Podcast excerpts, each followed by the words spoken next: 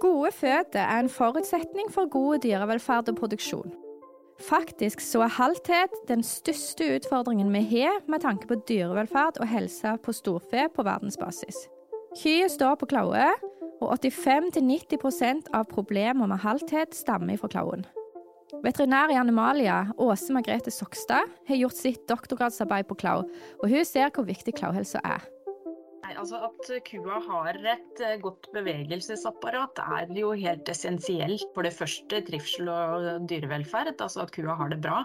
Og det er dessuten viktig for produksjonen. Eh, det er jo vist i flere studier at Eh, ku med smerter i beina produserer dårligere. Det blir dårligere kvalitet på slakt, de utrangeres tidligere. De produserer mindre mjølk, og det er dårligere fòreffektivitet. Fruktbarheten blir dårligere. Så, så det, er, det, er, alt å vinne på å ha ei ku som har, har gode bein å stå og gå på. Men hvordan kan du best mulig ivareta og bedre klauhelsa i din besetning? I dag skal vi komme med tips og råd til hvordan du best mulig forebygger klauproblemet, og hva du kan gjøre hvis du har eller får et problem. Du hører på podkasten Bondevennen. Mitt navn er Ingvild Steines Lutberget.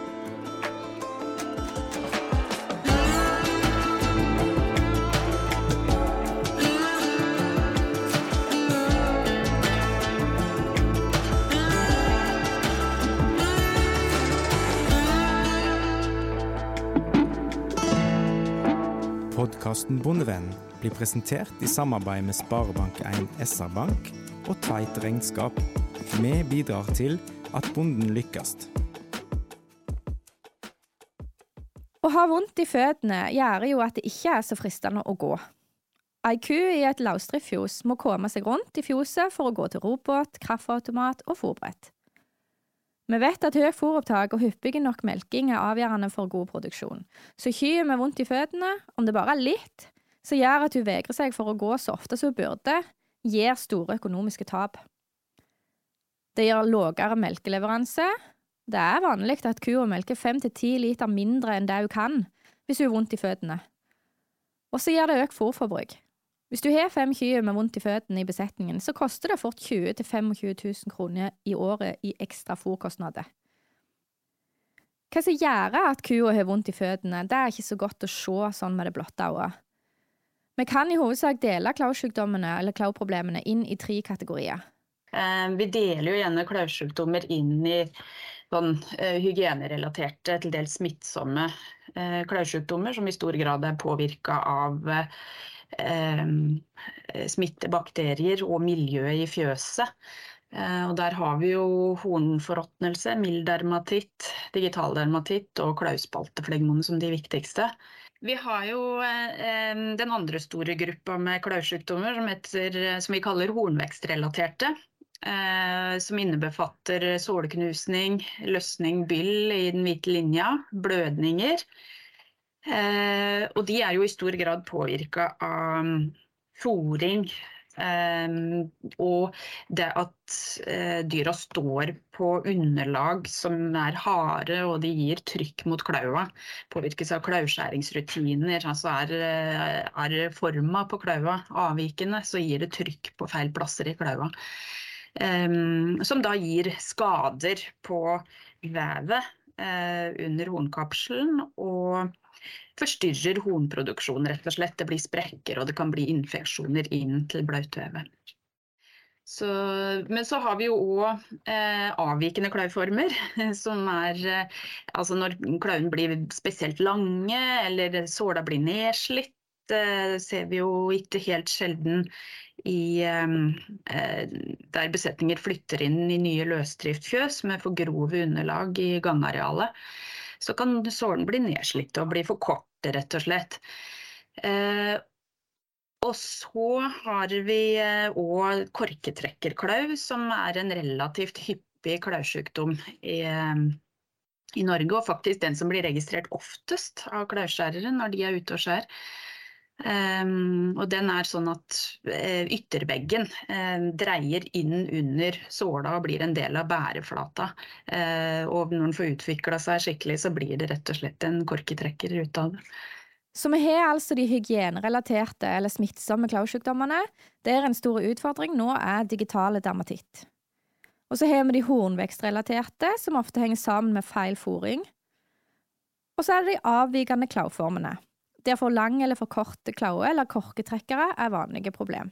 Så vi har litt ulike uh, utfordringer, og de er De kan uh, Litt avhengig av fjøs. Noen kan slite med hygienerelaterte, andre med hornvekstrelaterte klørsykdommer, andre med korketrekkere. Og i noen fjøs så ser vi at, uh, at, at de har en kombinasjon av de her tre gruppen med klauelidelser. Alle storfe har klauer, og klauhelsa er viktig både i kjøttproduksjon og i melkeproduksjon. Likevel så ser vi at problemet er større i melkeproduksjonen, særlig på melkekua. Det er klart, Melkekua er jo eh, produserer jo mye. Eh, og det er eh, ja, vi vet jo at kalving er risikotid. Eh, det skjer veldig mye endringer for kua rundt kalving. Både fysiologiske, oppstallingsmessige, sosiale, fôringsmessige. Um, og, og, og det, det, alt det her til sammen gjør at uh, kua, kanskje spesielt mjølkekua, er spesielt utsatt da, akkurat i den perioden der. Um, så, så ja, det, det, betyr nok en del at eh, altså den type fòring som er nødvendig for å yte såpass som, som i hvert fall mjølkekua gjør, da, eh, gjør nok kua mer utsatt for klaulidelser.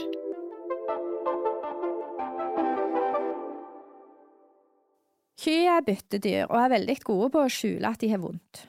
Derfor kan det være vanskelig å oppdage milde og moderate klauproblemer, og kanskje også ta det seriøst nok. Faktisk så er en tredjedel av tapene vi har pga. dårlige klauer, pga. klaulidelser som vi ikke ser. Så vi må være observante og strukturerte når vi skal overvåke klauhelsa i egen besetning. Ja, nei, Det første er jo på en måte å ha de her regelmessige kontrollene i klauboks. Eh, og jeg prøver å begynne å, å si mer og mer kontroll i klauboks med hensiktsmessig beskjæring. Vi har jo tradisjonelt kalt det beskjæring, men eh, beskjærer jo ikke hvis det ikke er nødvendig. Ofte er det bare en liten korrigering som skal til. Så rutinemessig kontroll eh, for å avdekke først og fremst. Um, og så er det viktig at det er kyndig klauskjærer som veit hva som er eh, ja, For det første å avdekke klørsykdom, men òg eh, veit hva man skal gjøre med det hvis, det hvis, det er en skade der. I tillegg til å kontrollere dyra i klauboks, så er det viktig å bruke øynene i fjoset og observere dyra. Det fins jo altså Når den er i fjøset likevel, så bør den eh, legge inn eh, litt sånn i bevisstheten at den følger med på bevegelsen på dyra. Eh, og en metode som har eh, fått ganske mye oppmerksomhet de siste åra, det er jo den som vi kaller på godt norsk locomotion score. Eh, og den tar hensyn til rygg, altså krumningen på ryggen på dyra. For den ser at helt sånn mild mild avvikende gange er vanskelig å se. Eh, du ser ofte ikke at kua har vondt i beina før hun virkelig begynner å ha vondt og halte. Eh, kua er jo et byttedyr og skjuler smerte lengst mulig. Eh, dessuten er de jo i flokk igjen, i hvert fall i løsdriftfjøs. da. Så det kan være vanskelig å se avvikende gange. Men ser du kyr som krummer ryggen, så er det et signal om at det kan være ubehag i klauven. Eh, gjerne fordi at de krummer ryggen før du ser tydelige tegn i, i, i beina. Så på score 1 så står jo det er normal ku med rett rygg når hun står, og rett, rett rygg når hun går. Og så på score 2 så har hun rett rygg når hun står, men hun begynner å krumme ryggen når hun går. Um, på score tre så er det krum rygg når du står og går, og begynner kanskje å ta litt kortere skritt, men uten at det er tydelig halthet.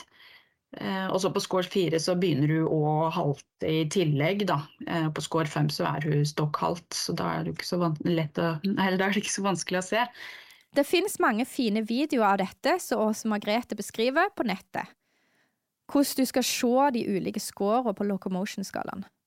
Men du kan også se etter om kua setter føttene godt under seg, og klarer hun å stå på tre føtter når hun slikker seg sjøl, så er det et veldig godt tegn. Andre ting du kan se etter, er unormale beinstilling. Klauene de peker svakt utover, men hvis du ser for deg klokka, så er det et godt tegn om klauene peker fem på ett. Er de ti på to, så begynner det å være litt avvik, og hvis de står med beina pekende på hvert på tre, så er det ikke bra.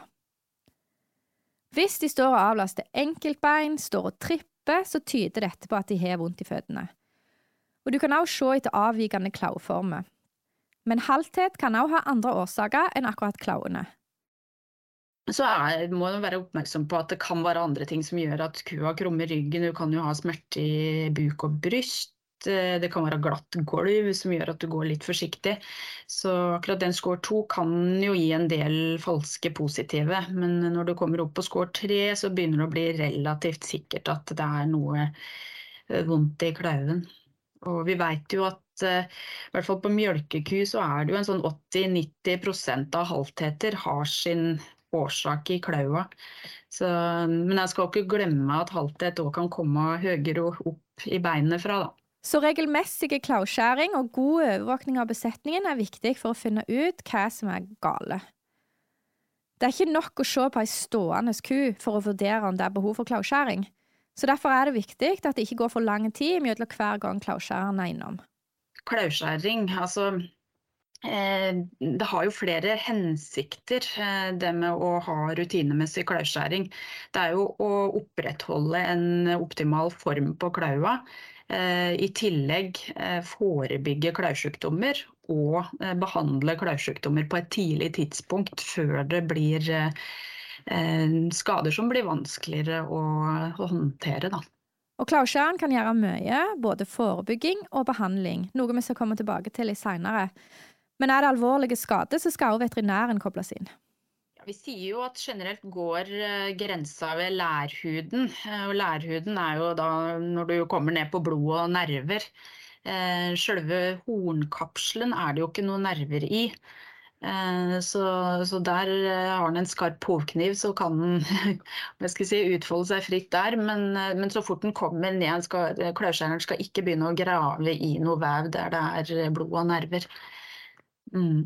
Så, så, da er det viktig å ha et godt samarbeid med veterinæren. Ha etablert dialogen med den, og um, gjerne få den til å Eh, sette lokalbedøvelse på eller annet, en eller annen måte. Eh, og kanskje være med i en del tilfeller og vurdere prognose. Av de hygienerelaterte smittsomme klaussykdommene så er digital dermatitt en sykdom som har økt betydelig i omfang de senere åra. Det skyldes en bakterieinfeksjon og er smittsomt. Internasjonalt så er digital dermatitt en av de største helsemessige utfordringene vi har på storfe, men i Norge så er det foreløpig relativt milde tilfeller, selv om det øker. Men råd fra våre naboland er ta det på alvor, begrens smittespredningen før det er for seint. Det jeg har i bakhuet når jeg sier de seinere åra, er jo den digitale dermatitten. Eh, som gir eh, runde til ovale sår i og rundt klauspalten. Eh, litt sånn smånuppete, jordbæraktige. Um, og som eh, etter hvert gir moderat halvthet. Det er ikke så lett å se symptomer i tidlig fase. Noe som gjør at det kanskje kan være litt vanskelig å ta det alvorlig. Altså et lite sår bak i klauspalten, hvor viktig er det på ei ku, liksom. Um, men det som er med den sykdommen, er jo at uh, det er en snikende sykdom. Den kommer gjerne inn i besetningen utenfra med smitte. Det er jo en bakterie som er hovedårsaken. Og, um, og, og gjerne livdyrsalg, som er den største risikoen for å få inn digital dermatitt. Og er i stor grad òg påvirka av hygiene. Uh, så den er mer utbredt i løsdriftbesetninger, der det er gjerne der klauen eksponeres for mer møkk og, og urin enn i båsfjøs, men den er òg til stede i båsfjøs. Men med flere løsdriftfjøs så vil det jo dessverre blir mer utfordring med akkurat de her smittsomme klausjukdommene igjen. Åtte av ti registrerte tilfeller i Norge er i løsdriftsfjos. For å begrense smitte så er det viktig med god registrering og god kontroll med kjøp og salg av livdyr. Har en først fått digital dermatitt etablert i besetningen, så er det veldig vanskelig å bli kvitt smitten. Og tilfellene blir flere og flere og mer alvorlige. Digital dermatitt oppdages ofte i sammenheng med besøk av klauskjæreren. Forhåpentligvis så vil klauskjæreren gjøre bonden oppmerksom på det der og da, eh, og anbefale eh, noen tiltak. Og blant de tiltakene så er jo å kontakte en veterinær eh, som kan hjelpe med å sette opp en tiltaksplan i samarbeid med bonde og klauskjærer. Og de viktigste tiltakene som da er anbefalt å sette i verk, er jo det med å kanskje øke hyppigheten på kontroll i klauboks noe hvis du har to ganger i året, øke til fire ganger i året, sånn at du får behandla eventuelle tilfeller på et tidlig tidspunkt og avdekka nye tilfeller eh, raskt. Eh, og så anbefales det òg å iverksette hygieniske tiltak om mulig. Altså, noen har jo på en måte det er, det er ikke så mye å gå på. Eh, du har, du har, så gode systemer som det er mulig å få til. Da. Eh, men å se litt på hvor stopper skrapa, er det eh, sånn at det hoper seg opp møkk der den stopper og dyra går igjennom? Eh, bør skrapa gå oftere? Er det noen kan supplere med manuell skraping? Er det sånn at liggebåsa er ukomfortable og dyra står uhensiktsmessig mye i møkka?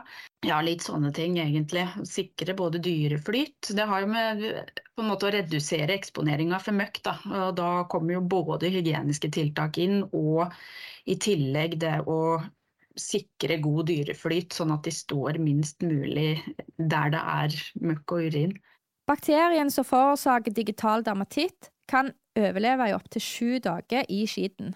Men han dør relativt raskt hvis han tørker ut og kommer i kontakt med luft og desinfeksjon. Um, og så anbefales det òg å sette i verk noe spyling, fotbad. Um, aller helst først med vann, sånn at kløven blir reine. Uh, og uh, sånn at desinfeksjon får virka, og så spyling eller bad med desinfeksjon etterpå. Um, er, er, anbefalt å sette i verk. Og det, da, på den måten så får du på en måte behandla tidlige tilfeller. Eh, og, og mm, får på en måte påskynda den helingsprosessen med det. Og så med fotbad får du hindra at nye kyr får det i besetningen, da. Fotbad er jo et styr. Ikke alle kyr har lyst til å gå frivillig oppi der. Det kan være lurt å plassere det i forbindelse med robot, kaffeautomat eller i en trang gang der dyra må gå gjennom i forbindelse med melking, eller andre plasser de må forbi. Det kan være lurt å legge noe halm oppi for å dempe vannspeilet, som kan gjøre at kyrne vegrer seg for å gå oppi. Og gjerne bare ha litt væske i starten, for så å tilsette mer og mer. Det finnes også klausspilingsutstyr som kan monteres på roboten. Fotbad er i hovedsak for å redusere risiko for at flere blir smitta, men brukes også til andre klauproblemer enn digital dermatitt. Det er ikke lurt å sette inn fotbad hvis vi har bandasje på enkeltdyr. Bakteriene kan gå i hi, så det er viktig å starte behandlingen av digital dermatitt tidlig. Um, Klauskjæreren vil da behandle den digitale dermatitten. Um, det er viktig å rengjøre klaua skikkelig, sånn at den har mulighet til å avdekke det for det første. Da. Hvis klaua er Den befinner seg jo igjen i huden, den digitale dermatitten i eller rundt klauspalten, som sagt.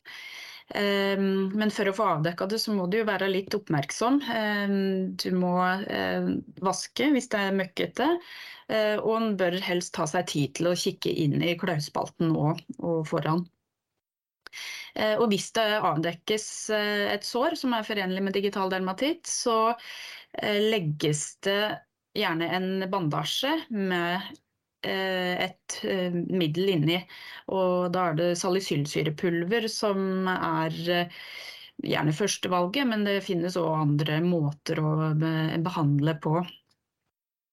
Og da sitter den bandasjen igjen i tre-fire dager eh, før avtak. Og hvis eh, heling fortsatt ikke er helt i mål, så er det anbefalt å legge en ny bandasje. Er det, er det ansett å være ikke helt um, Altså, jo, kua må jo i klauboks for for å, få satt på sånne bandasjer, og det er gjerne bonden som tar av bandasjen. Så er det ikke mulig å få kua i klauboks igjen. Så sprayes det med en eller annen desinfiserende spray i stedet, og så håpe at det gjør susen. I tillegg til å behandle klauen, så bør en sjekke andre sår som kua eventuelt har. Så er det òg anbefalt å eh, kikke eh, på andre sår. Altså de her treponema, de bakteriene som forårsaker digital dermatitt, de kan òg invadere andre sår. De kan invadere både spenesår, jurfestesår, hasesår, såleknusninger osv. Eh, og spesielt de her jurfestesåra er greit å ta, ta, en kikk på, sånn at du får spraya de òg i sammenheng med at, at kua er i boksen. Fordi andre sår kan utgjøre et reservoar for de her bakteriene. Sår i jurfestet kan fort komme i kontakt med klaua når kua ligger i liggebåsen. Derfor kan det smitte både fra jur til klau, men også fra klau til jur. Det finnes jo andre smittsomme klausykdommer, f.eks. klauspalteflegmone, men vi rekker ikke gå inn på flere i denne episoden. Men det bør nevnes at det er utrolig viktig å redusere smitte i mellom besetninger med gode smittevernsrutiner for besøk, utstyr og annen kontakt med andre besetninger.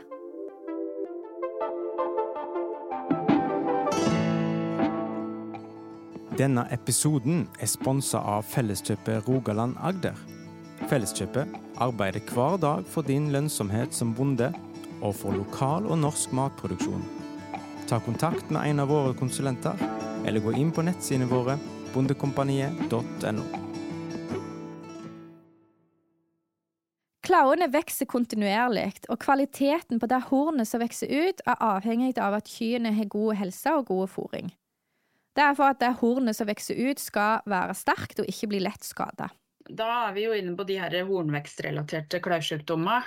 Eh, og eh, Fôring som gir eh, sur vom, eh, vil jo um, gi økt risiko for hornvekstrelaterte kløvsykdommer, eller forfangenhetsrelaterte kløvsykdommer, som vi òg kalte de tidligere. Og det er jo en litt sånn kompleks sak, og her har vi jo ikke helt det fulle bildet. Men, men når det blir ubalanse i vomma, Eh, så vil det eh, avgis stoffer, eller tas opp stoffer fra vomma som sirkulerer ned til klaua. Eh, påvirker både blodsirkulasjon og annet nede der. og, og, resultatet blir at de her hornproduserende cellene får dårligere tilgang på oksygen og næringsstoffer, som gjør at de produserer horn av dårligere kvalitet.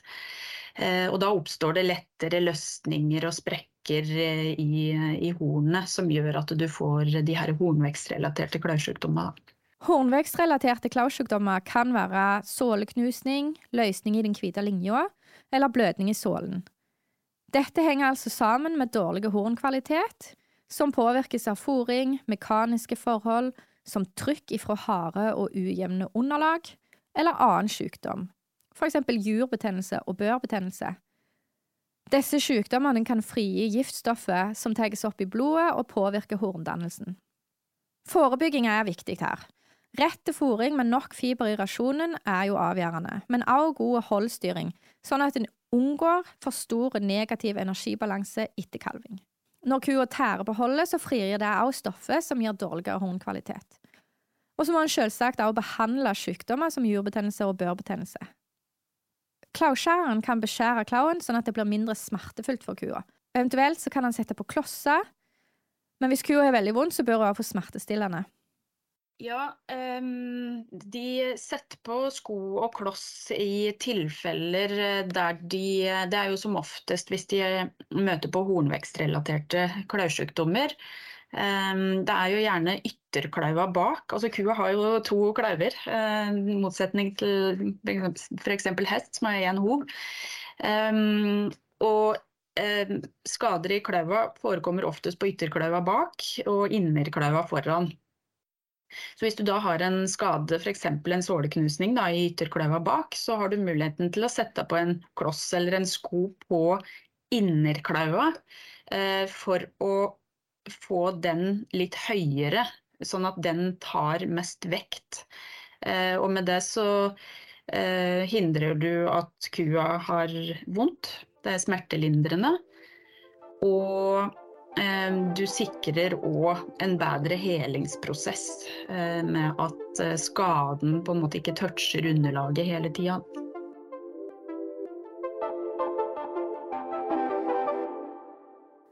Noen kyr får klauer som vokser med en vridning, som blir som en korketrekker. Altså, Korketrekkerklau er jo som sagt den hyppigst registrerte klaulidelsen i Norge etter hornforråtnelse. Eh, og vi har jo lurt litt på hvorfor det er sånn. Eh, om det er dårlige gener, eller om det er for dårlige klauskjæringsrutiner. Du kan jo holde en korketrekker i sjakk med gode klauskjæringsrutiner. Um, eller om det har, er andre faktorer som spiller inn. Eh, men eh, det er, er ansett å være en av de mest arvelige klørsykdommene. Og kan si at de fleste klørsykdommer, alle klørsykdommer egentlig har vel ikke sånn kjempehøy arbarhet, men det er såpass at det er mulig å drive eh, avlsarbeid eh, på det. Og Geno har jo begynt å ta inn klaudata i sin eh, klauindeks. Um, det var lenge for lite data, men nå ser de at de har, at liksom har begynt å komme opp på en anselig mengde, sånn at de kan bruke det til noe. Ehm, men, men jo, jo, jo, flere kyr som skjæres og som en får inn data fra, eh, jo bedre blir jo de her klauindeksa, og lettere blir det å drive og få avlsmessig framgang. Eh, men akkurat den korketrekkerkløven den kan nok bli ganske lei i enkeltbesetninger. Eh, mange dyr som, eh, som har det. Og hvis den får utvikle seg, så blir det feilbelastning i klaua. Og den disponerer òg for andre klausykdommer, sånn som såleknusning, fordi det blir feil trykk på klaua. Så, så kyr med uttalt korketrekkerklau skal en jo alltid vurdere om en vil avle videre på. Eh, og så er jo rådet å være litt obs på det når du velger okse òg. Så er det sånn at eh, på mjukt underlag på tallet, det som gir liten slitasje og kanskje litt, litt helt eh, optimale klauskjæringsrutiner, så vil jo sånne korketrekkere òg uh, komme til syne.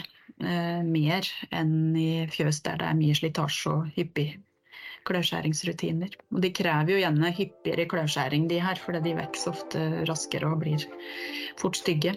Men du kan altså holde en korketrekker i sjakk med hyppig skjæring. Men det er viktig å huske på korketrekkerne i avlsarbeidet. Førebygging er alltid bedre enn behandling, og det er lønnsomt. Mye av forebygginga med tanke på cloud-problemet, det går jo på utforming av fjos, renholdsrutiner og det å ha god oversikt med kontroll i klauboks. I episoden om kusignalet snakker vi litt om dette med utforming av fjos for å ta vare på føttene til kua. Det er ofte kostbart å gjøre endringer i fjoset, men hvis en står i en situasjon der en skal bygge nytt eller allikevel gjøre endringer, så bør vi tenke forebygging. Gode løsninger trenger ikke alltid være dyrere enn dårlige løsninger, og på sikt så vil gode løsninger som regel alltid lønne seg. Utforming av liggebås har vi mast om flere ganger, men det er veldig viktig å få dyra til å legge seg i båsen for å avlaste klauene, for at de skal tørke opp, og for å få gode flyt i fjoset. Og så har den jo eh, i eh, løsdrift med liggebås, så er det viktig at eh, liggebåsen oppleves som komfortabel og attraktiv for kua. Ehm, sånn at kua går altså Du ønsker jo på en måte at kua skal gå relativt kjapt fra eh, mjølking til fòring til liggeplass. Altså at det er en rundgang der, at de ikke blir stående uvirksomme altfor lenge i gangarealet. Um, og for at de ikke skal stå og vegre seg for å legge seg, så er jo mjukt underlag. Det er jo for så vidt et krav at det skal være likt, mjukt liggeunderlag i, i liggebåsen. og jo mjukere det er, jo mer attraktiv er liggebåsen. sånn er det jo bare, det vet vi jo med oss sjøl. Så så helt sånne harde, kompakte matter eh, oppleves nok som mindre attraktive enn eh, f.eks. djupstrø i, i liggebåsen, enten sagflis eller harde melsand eller tørka møkk. Så det er viktig at, eh, at uh, liggebåsen ikke er for trang. Det er nok relativt vanlig i en del løsdriftfjøs med liggebås at, at det, er, det, er, mye jern, og de, det er lave nakkebommer, lave huebommer.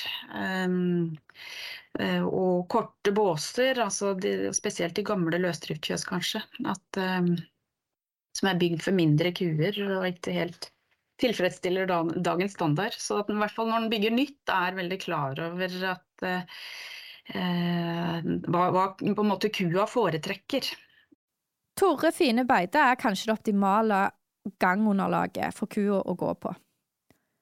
Men inne i fjoset så har vi fortsatt ikke funnet det optimale gulvet som passer under våre forhold. I Nederland så har de fjos der kyrne går på sand eller på talle på hele arealet, men det er ikke så lett å gjennomføre her til lands det koster jo mye å bygge fjøs. Så, eh, er, og jeg skjønner godt at det kan være fristende å, å velge litt enkle løsninger, da. Eh, men at den i hvert fall eh, tar velbegrunna valg. Og det går jo på altså Sånn for klauven sin del så er det antageligvis mest optimale gangunderlaget. Da. Eh, en kombinasjon av gulv som gir drenasje, for å hindre at det blir altfor mye opphoping av møkk eh, som de må stå i, eh, og mjukhet. Så et, et spaltegulv med noe gummi- eller plastbelegg oppå er nok det mest optimale. Gummispaltegulv, og helst med en rengjøringsrobot i tillegg. Gummi oppå spaltene er det mange som har god erfaring med.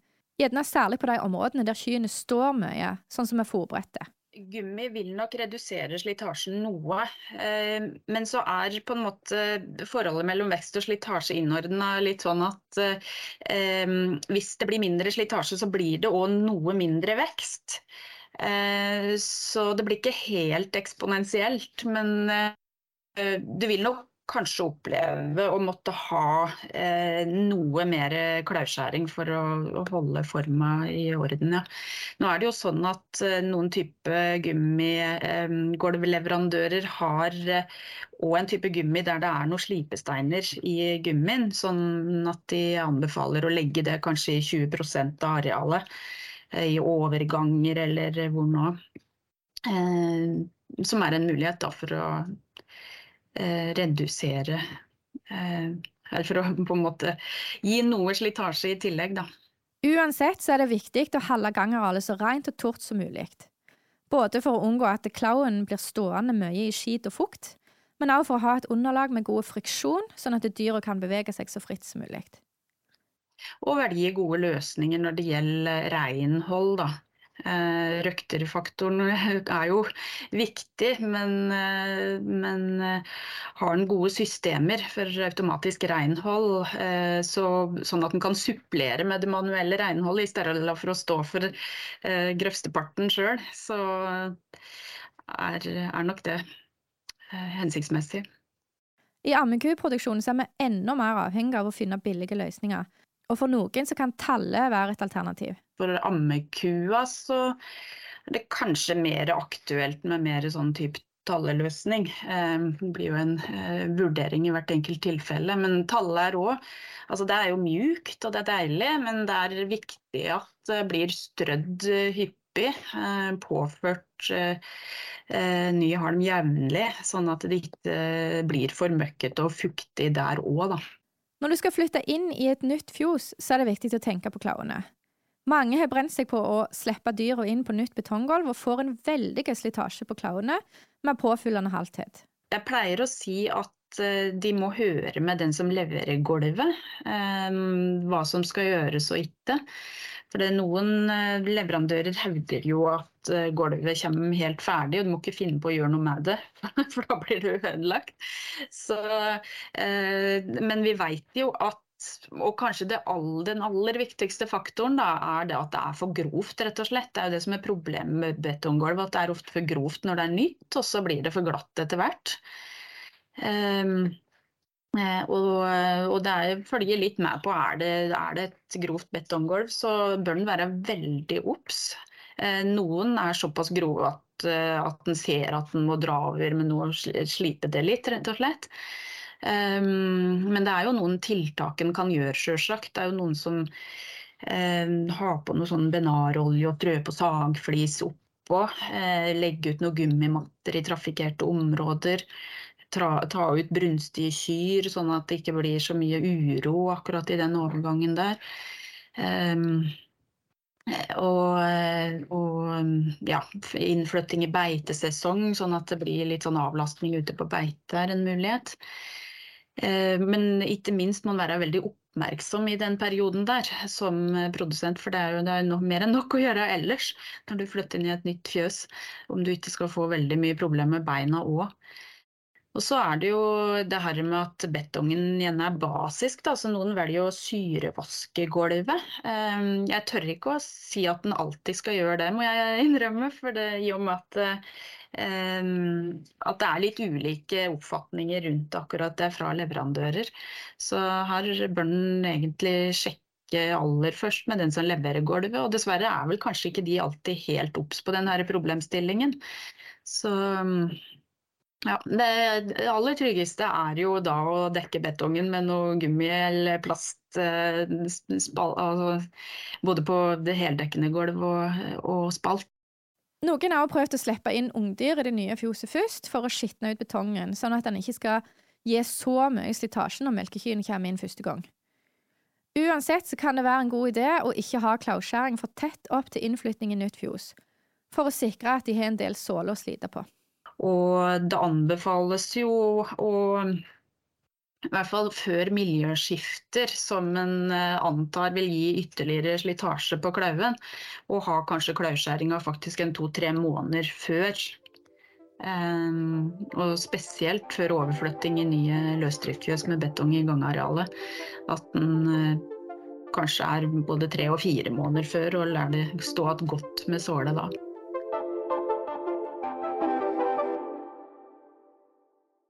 I en optimal verden så burde klauene skjæres ut ifra laktasjonstidspunkt, gjerne to til tre måneder før kalving, to til tre måneder etter kalving og igjen fem til seks måneder etter kalving. I Danmark anbefaler de skjæring for hver 3000 liter produsert melk.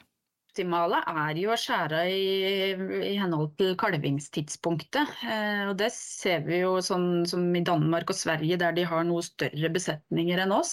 Og, spesielt Danmark, kanskje. At de har klauskjærer i besetningen mye eh, hyppigere, da. Men de tar jo ikke nødvendigvis alle dyra hver gang.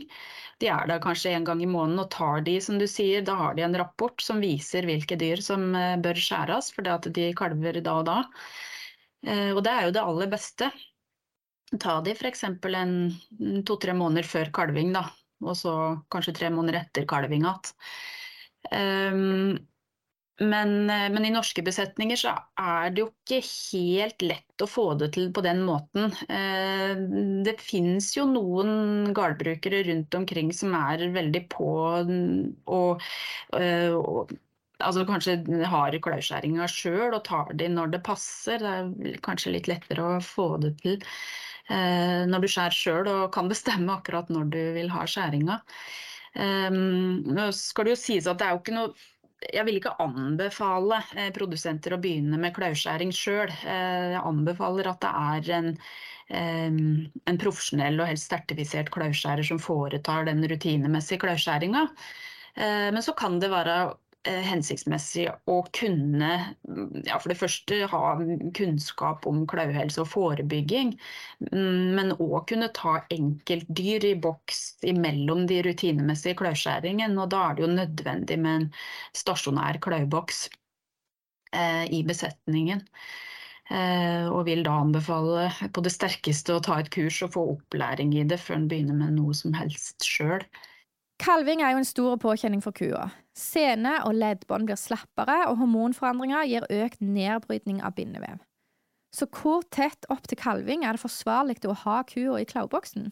Så tett opp til kalving eh, er det greit å, å ha kua i boksen. Eh, det, det, er vanskelig å gi noe fasitsvar på det òg, for det, det, avhenger nok av en god del forhold.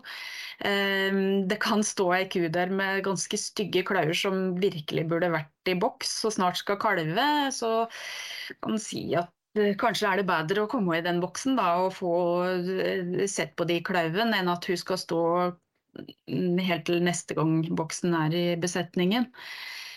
Um, men, men, eh, som en sånn tommelfingerregel så bør den ikke uh, ha uh, klauskjæring på kua, helst ikke den siste måneden, siste 14 dager før, uh, før kalving. Eh, men en vil nok eh, altså Hvis en spør en klauskjærer, så vil nok de ta dyret i boksen sånn relativt tett oppunder kalving. det går ganske fort og det er med profesjonelle klauskjærere, de har bra utstyr. Og, og, ser vel ikke så ofte, det er i hvert fall ikke erfaringen, at det så ofte skjer aborter og den type. Det er jo noen er redd for i den forbindelse. Hvis du har konsentrert kalving, så bør den ikke legge klauskjæringa den siste måneden før kalving. Eh, eller toppunktet på kalvinga. Eh, men enkeltdyr eh, vil nok kunne akseptere å tas noe tettere opp til kalving da, for å få, få det gjennom. Det er anbefalt å sjekke alle huddyr over 18 måneder i klauboks.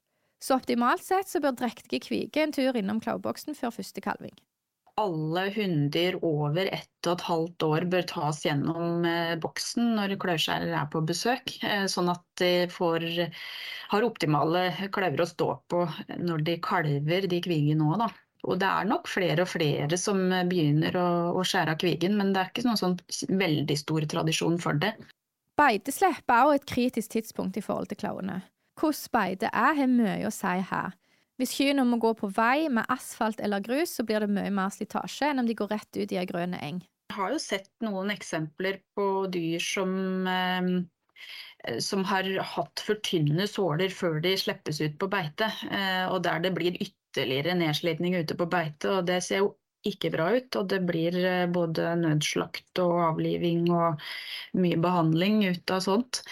Så, så det er noe som er viktig å være oppmerksom på. Um, det har i Norge vært en sånn tradisjon for at en liksom skal ha klauskjærer før beiteslepp, for de skal ha gode klauver å stå på eh, ved beiteslepp. Men eh, det er nok vel så viktig at de har gode klauver å stå på rundt kalvingstidspunktet. Så sånn burde nok mm, få, eh, få spredt den klauskjæringa litt bedre utover året, og ikke henge seg så mye opp i det beitesleppet. Eh, men det er klart, sendes de ut på gressbeite, eh, der det forhåpentligvis ikke er veldig mye slitasje, så kan kanskje tillate seg å ta skjæringa noe nærmere enn ville gjort hvis de skal gå langt på asfalt før de kommer ut på beite. Det er litt sånn vurdering rundt det, da. Men jeg ville vært litt eh, forsiktig med å ha klauskjæring veldig tett oppunder beiteslepp.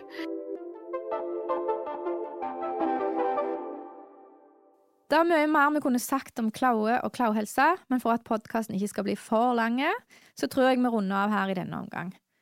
I år er klauens år. Animalia har lagd en kampanje for å sette fokus på klauhelse og hvordan du kan forebygge og forbedre klauhelsa i din besetning. Så følg med om du er interessert i enda mer fagstoff om klau. Det kommer i ulike kanaler gjennom året. Så, for å oppsummere. Halthet er den største dyrevelferdsmessige utfordringen på storfe på verdensbasis, og må tas på alvor. For å oppdage klauproblemet er det avgjørende med jevnlig kontroll i klauboks og god overvåkning av besetningen. Se etter kyr som avlaster klauene, eller som krummer ryggen når de går. Forebygging av klauproblemet handler mye om godt renhold, gode smittevernsrutiner, særlig ved kjøp og salg av livdyr, og så er det dette med utforming av fjos, særlig gode gangareal og optimale liggebåser. Også gode helse og rett fôring. gjør seg jo mest sjøl, ikke sant? Får du problemer, søk hjelp hos klauskjærer og veterinær. Lag deg konkrete tiltak, og følg med på effekten. Følg opp, og juster tiltakene ved behov. Du har hørt på podkasten Bondevennen. Mitt navn er Ingvild Steines Luteberget. Til daglig jobber jeg som rektor ved Vinterlandbruksskolen i Ryfylke. Hvis du har spørsmål eller tilbakemeldinger til podkasten, så er det bare å sende en mail til podkast.bondevennen.no. Episoden er spilt inn i ABC Studio i Etne. Lyd ved Stig Morten Sørheim. Takk for at du hørte på.